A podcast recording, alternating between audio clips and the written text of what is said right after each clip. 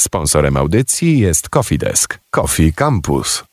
Po raz kolejny witamy Macieja Duszaka. Dzień dobry. Maciej jest Master of Coffee Science w firmie Coffee Desk. Oprócz tego jest e, mistrzem Polski Brewers Cup. No i oczywiście będziemy rozmawiać o kawie.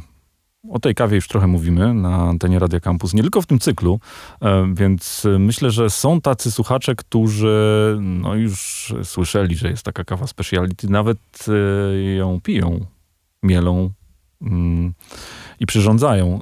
Natomiast warto pewnie uporządkować sobie różne rzeczy i zadać pytanie ekspertowi, jakim jesteś, jak wybrać kawę. Coś stoi na półce albo w sklepie internetowym, no i mam trochę do wyboru. Co tak, chcę? to jest bardzo dobre pytanie i odpowiedź na nie jest jedną z najważniejszych na początku naszej kawowej drogi, dlatego że kawa specialty to różnorodność, tak jak już wspomnieliśmy w jednym z naszych spotkań. I podobnie jak w przypadku wina, stając przed taką półką pełną różnych kaw, można być no, przytłoczonym bogactwem wyboru i skąd mamy wiedzieć, po pierwsze, czy kawa, na którą spoglądamy, jest kawą jakości specialty, czy też może taką udaje, a po drugie, skąd mamy wiedzieć, czy ta kawa będzie odpowiadać e, swoimi właściwościami e, naszym preferencjom, czyli temu, jak ona smakuje, oraz temu, czy jeśli pijemy kawę na przykład w kawiarce, to czy ona do tej kawiarki będzie się nadawać. E, zatem mamy trzy najważniejsze elementy, których powinniśmy szukać na etykiecie. Pierwszą informacją jest profil palenia kawy. Kawę surową, która przyjeżdża z farmy, należy najpierw wypalić, aby nadawała się ona do zaparzania. Można ją wypalić jaśniej, można wypalić ciemniej. O tym już wspomnieliśmy na naszym pierwszym spotkaniu. I Ale przypomnijmy, że kawy przemysłowe najczęściej są wypalane bardzo ciemno i taki archetyp, można powiedzieć, kawy pozorny, to jest y, to, że widzimy, że kawa to są takie czarne ziarna. Dokładnie tak. A tak do końca nie jest. Możemy, dokładnie, możemy wyróżnić e, takie trzy podstawowe stopnie wypalenia kawy. Będę je omawiał od najjaśniejszego do najciemniejszego i będę je korelował z metodami parzenia.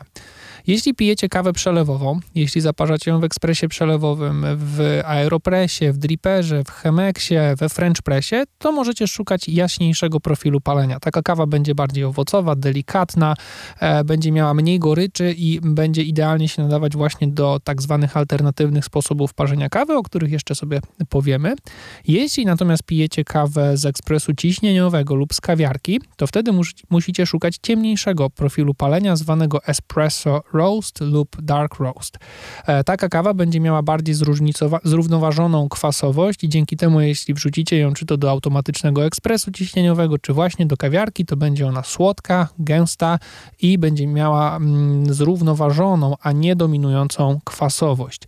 Trzeci profil palenia tego akurat radzę unikać, to profil spalony, czyli tak zwany French roast lub Italian roast. Jeśli widzicie że ziarna kawy są pokryte takimi olejkami, tłuszczami, że się błyszczą, że są tak jakby spocone, a ich kolor to po prostu kolor czerni, no to trzymajcie się od tego z daleka. Tak jak nie chcielibyście kupować spalonego chleba w piekarni, tak dlaczego mielibyście chcieć pić spaloną kawę? E, kawę wypala się bardzo ciemno po to, aby ukryć jej defekty. I taka kawa nie zawiera już niczego, czego byśmy mogli od niej oczekiwać. Nie znajdziecie w niej akcentów owocowych, nie znajdziecie w niej nut czekoladowych, nie znajdziecie w niej aromatów kwiatowych, tym bardziej. Jedyne, co znajdziecie, no to niestety taki profil spalenizny e, czy, czy, czy gumy. To jest raczej coś, do czego bym nie namawiał. I zwróćcie teraz, drodzy słuchacze, uwagę na to, jak mm, szerocy, wielcy, ogromni producenci pokazują wam kawę. Ona na zdjęciu czy na reklamie jest właśnie taka, jak mówisz, czarna i błyszcząca. Czyli mocno wypalona. Tak, dokładnie, bo tak właśnie wygląda większość kaw na świecie. To się robi po to, żeby one zawsze smakowały tak samo. No to e... mamy, pale, mamy palenie. Już wiemy, co, jakie palenie będzie pasowało do naszych predyspozycji, e, czy też nawet nie predyspozycji, ale do naszego po prostu gustu. Tak, wtedy, kiedy już wiecie, w czym będziecie zaparzać kawę, na przykład pijecie kawę z kawiarki, no to wtedy szukacie właśnie tego ciemniejszego profilu palenia zwanego espresso roast. Idziemy zatem dalej. Druga rzecz, na którą zwracamy uwagę, to data palenia. To jest takie być albo nie być dla danej paczki kawy. Jeśli nie widzicie daty palenia, no to powinniście raczej sobie daną kawę odpuścić. A to dlatego, że kawa jest produktem spożywczym, bardzo mało przetworzonym. To jest po prostu surowe ziarno wrzucone do piekarnika tak naprawdę i potem zalane wodą. I przez to, że jest to tak e, czysty produkt spożywczy, nie ma tam żadnych przeciwutleniaczy, żadnych e, e, utrwalaczy, konserwantów, woskowania i tak no to taki produkt wietrzeje. Szybko traci swoje właściwości. I nam powinno zależeć na tym, żeby pić kawę jak najświeższą. Przez jak najświeższą rozumiem taką, która jest nie starsza niż 3-4 miesiące od wypalenia, a w przypadku kaw palonych pod espresso nie młodsza niż około 2 tygodnie. Jeśli nie widzicie daty palenia na opakowaniu, to nie dlatego, że ktoś zapomniał ją tam dodać, tylko dlatego, że ktoś nie chciał jej, jej, wam podać. I to zazwyczaj powinna być taka lampka ostrzegawcza, która nam mówi, że ta kawa raczej nie jest zbyt świeża. Jeśli natomiast obcujecie z kawą jakości specialty, to zawsze, ale to zawsze data palenia będzie podana na opakowaniu i jeśli kupujecie ją w dobrym sklepie czy w lokalnej kawiarni, to nie będzie ona zbyt y, mocno oddalona w przeszłość. To będą zwykle kawy kilkutygodniowe, miesięczne, może półtora miesięczne. No dobrze, to mm, e, stawiamy tu kropkę, ale zaraz wracamy e, z rozmowami o tym, jakie jeszcze informacje możemy znaleźć na etykiecie, no i jaki, jakie te informacje mają wpływ na to, co dostaniemy później w filiżance. Coffee Campus. To jest cykl Coffee Campus. Y, u nas w studiu Maciej Duszak, Master of Coffee Science w firmie Coffee Desk, no i mistrz polski Brewers Cup. Y, rozmawiamy o tym, jak wybrać kawę. Mm, w poprzednim wejściu mówiliśmy o profilach palenia, co jaki profil oznacza.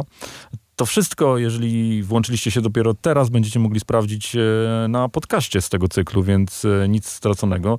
Natomiast już teraz dowiecie się czegoś więcej, co jest napisane na etykiecie kawy i co to oznacza.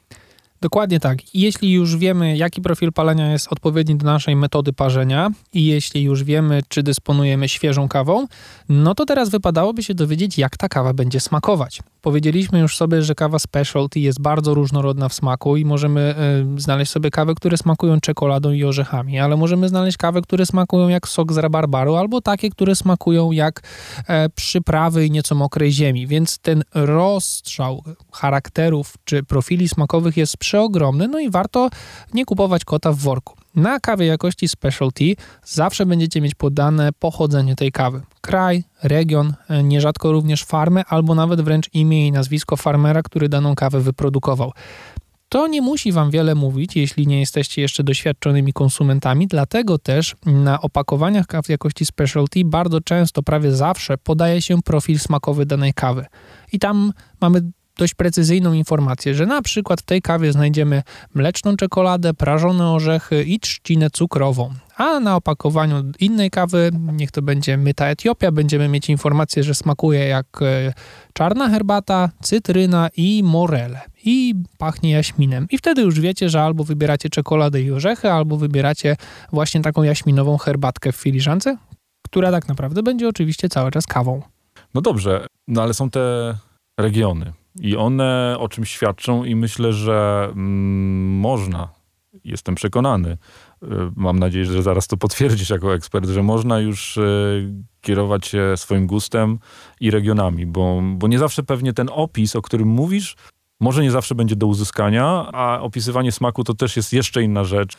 No ale powiedzmy może podsumujmy sobie takie podstawowe regiony i y, kierunki właśnie sensoryczne, jak to mówicie wy eksperci, a, a tak naprawdę smakowe. Podzielmy sobie zatem pochodzenie kawy na trzy regiony: Afrykę, Amerykę Południową i Centralną oraz Azję.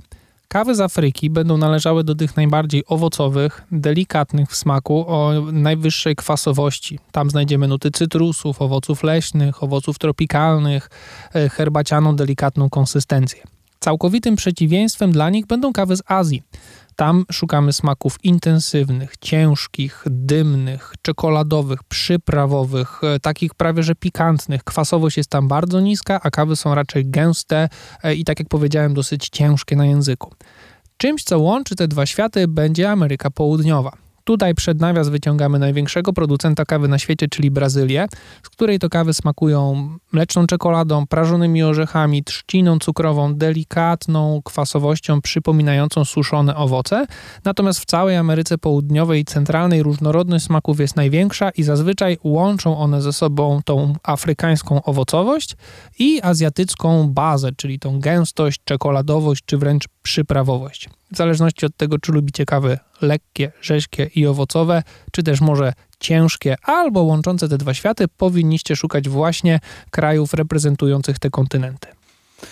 Jeżeli całe życie piłem e, kawę przemysłową i chcę napić się kompletnie czegoś innego, to od jakiej kawy powinienem zacząć? Są dwie drogi albo e, droga małych kroków, albo terapia szokowa. W przypadku drogi małych kroków polecam zacząć od kawy z Brazylii, bo to jest właśnie taka kawa, taki smak, który znamy jako konsumenci. Będzie on najbliższy temu, co już kojarzymy. Tam właśnie delikatna kwasowość, dużo słodyczy, łagodność, czekolada, orzechy, jakiś karmel. To są wszystko rzeczy, które kojarzymy z kawą, ale w przypadku w wydaniu kawy specialty będzie to smak czysty, słodki i odpowiednio wyeksponowany.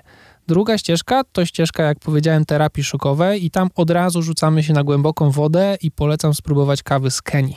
To są najbardziej owocowe, najbardziej orzeźwiające i najbardziej kwasowe kawy ze wszystkich dostępnych e, na świecie i tam możemy odnaleźć jeżyny, truskawki, rabarbar, maliny, poziomki, porzeczki, wszystkie rzeczy, które w owoce, które w kolorach są czerwone, różowe, fioletowe, takie na sam dźwięk tych słów zaczyna mi cieknąć ślinka i właśnie kawy z Kenii wywołują takie wrażenie wow. Nie wiem, co to w ogóle jest, nie wiem, czy to jest kawa, nawet nie wiem, czy mi to do końca smakuje, ale jestem zaintrygowany i chyba poproszę o dolewkę. Zatem macie takie dwie drogi. Można powiedzieć, że jest taki stereotyp i często słyszałem takie sformułowanie super włoska kawa, dobra włoska kawa. Najlepsza włoska Najlepsza kawa. włoska kawa. No ale we Włoszech kawa nie rośnie. Nie, we Włoszech kawa nie rośnie. We Włoszech, podobnie jak w każdym innym kraju na świecie, e, gdzie się kawę konsumuje, po prostu się ją wypala i nadaje się jej etykietkę. Ten stereotyp włoskiej kawy wziął się stąd, że Włosi stworzyli kulturę espresso. Oni wynaleźli espresso, ekspresy ciśnieniowe, wylansowali je na cały świat. E, no i oni są również niezwykle mocni w tym, żeby to swoje dziedzictwo kulinarne e, rozsławiać i bronić jego dobrego imienia. Najlepsza pizza jest włoska, najlepsze makarony robi się we Włoszech, najlepsze wina pochodzą z Półwyspu Apenińskiego i według Włochów również najlepsza kawa. Trzeba jednak pamiętać, że kawa włoska i kawa specialty to troszkę jeszcze, choć to się powoli zaciera, dwa różne światy. Nie trzeba szukać włoskiej kawy, wystarczy napić się polskiej kawy. Mamy w Polsce wspaniałe, e, już operujące często na skalę międzynarodową palarnie specialty, palarnie rzemieślnicze, przykładające się do produkcji, znajdujące najlepsze surowce, najlepsze kawy, krótkie partie, oferujące różnorodność i dostarczające świeży produkt. Nie ma zatem powodów, żeby kupować ka- kawę z jakiegoś wielkiego koncernu, czy to włoskiego, czy niemieckiego, czy szwajcarskiego, kiedy często nawet za rogiem możemy kupić kawę z lokalnej polskiej palarni. Tak jak kupujemy chleb z piekarni na osiedlu, tak możemy również dziś kupować taką kawę i Polska obecnie przeżywa taki boom na rzemieślniczą kawę. Tych palarni specialty, właśnie takich małych, e, skupiających się na jakości, skupiających się na różnorodności jest coraz więcej i nawet nieduże miasta, przez nieduże rozumiem miasta około 50-70 tysięcy mieszkańców mają swoje palarnie specialty. No czyli te palarnie są trochę takim przedłużeniem filozofii małego dostawcy, być może nie jakiejś ogromnej stacji myjącej. I na koniec ta um, bardzo wyselekcjonowana i dobrze e, uprawiona, wyrośnięta, tak to określimy, kawa trafia do małej palarni, która też nie robi tego masowo. Więc cały ten proces i wszystkie te punkty, o których też w innych odcinkach e, ten wątek się przewijał, wszystkie te punkty gdzieś tam na końcu się zgadzają. E, rozumiem, że raczej się nie zdarza to, że mała partia kawy trafia do przemysłowego producenta, który puszcza e, jakąś tam małą ilość paczek, bo to po prostu mu się nie opłaci. Dokładnie tak. Jeśli szukamy produktu unikatowego, jedynego w swoim rodzaju, no to musimy zwrócić się właśnie w stronę palarni lokalnych, palarni specialty, bo jeśli patrzymy na duże marki, to tam mamy raczej produkt, który od dziesięcioleci jest niezmienny i w kółko taki sam. Naszym gościem był Maciej Duszak. Nasłuchujcie tego cyklu, sprawdzajcie podcasty na Spotify'u, bo tam odcinki się pojawiają i będą się pojawiały, więc e, pijcie dobrą kawę. Tego Wam życzę. Sponsorem audycji jest Coffee Desk. Coffee Campus.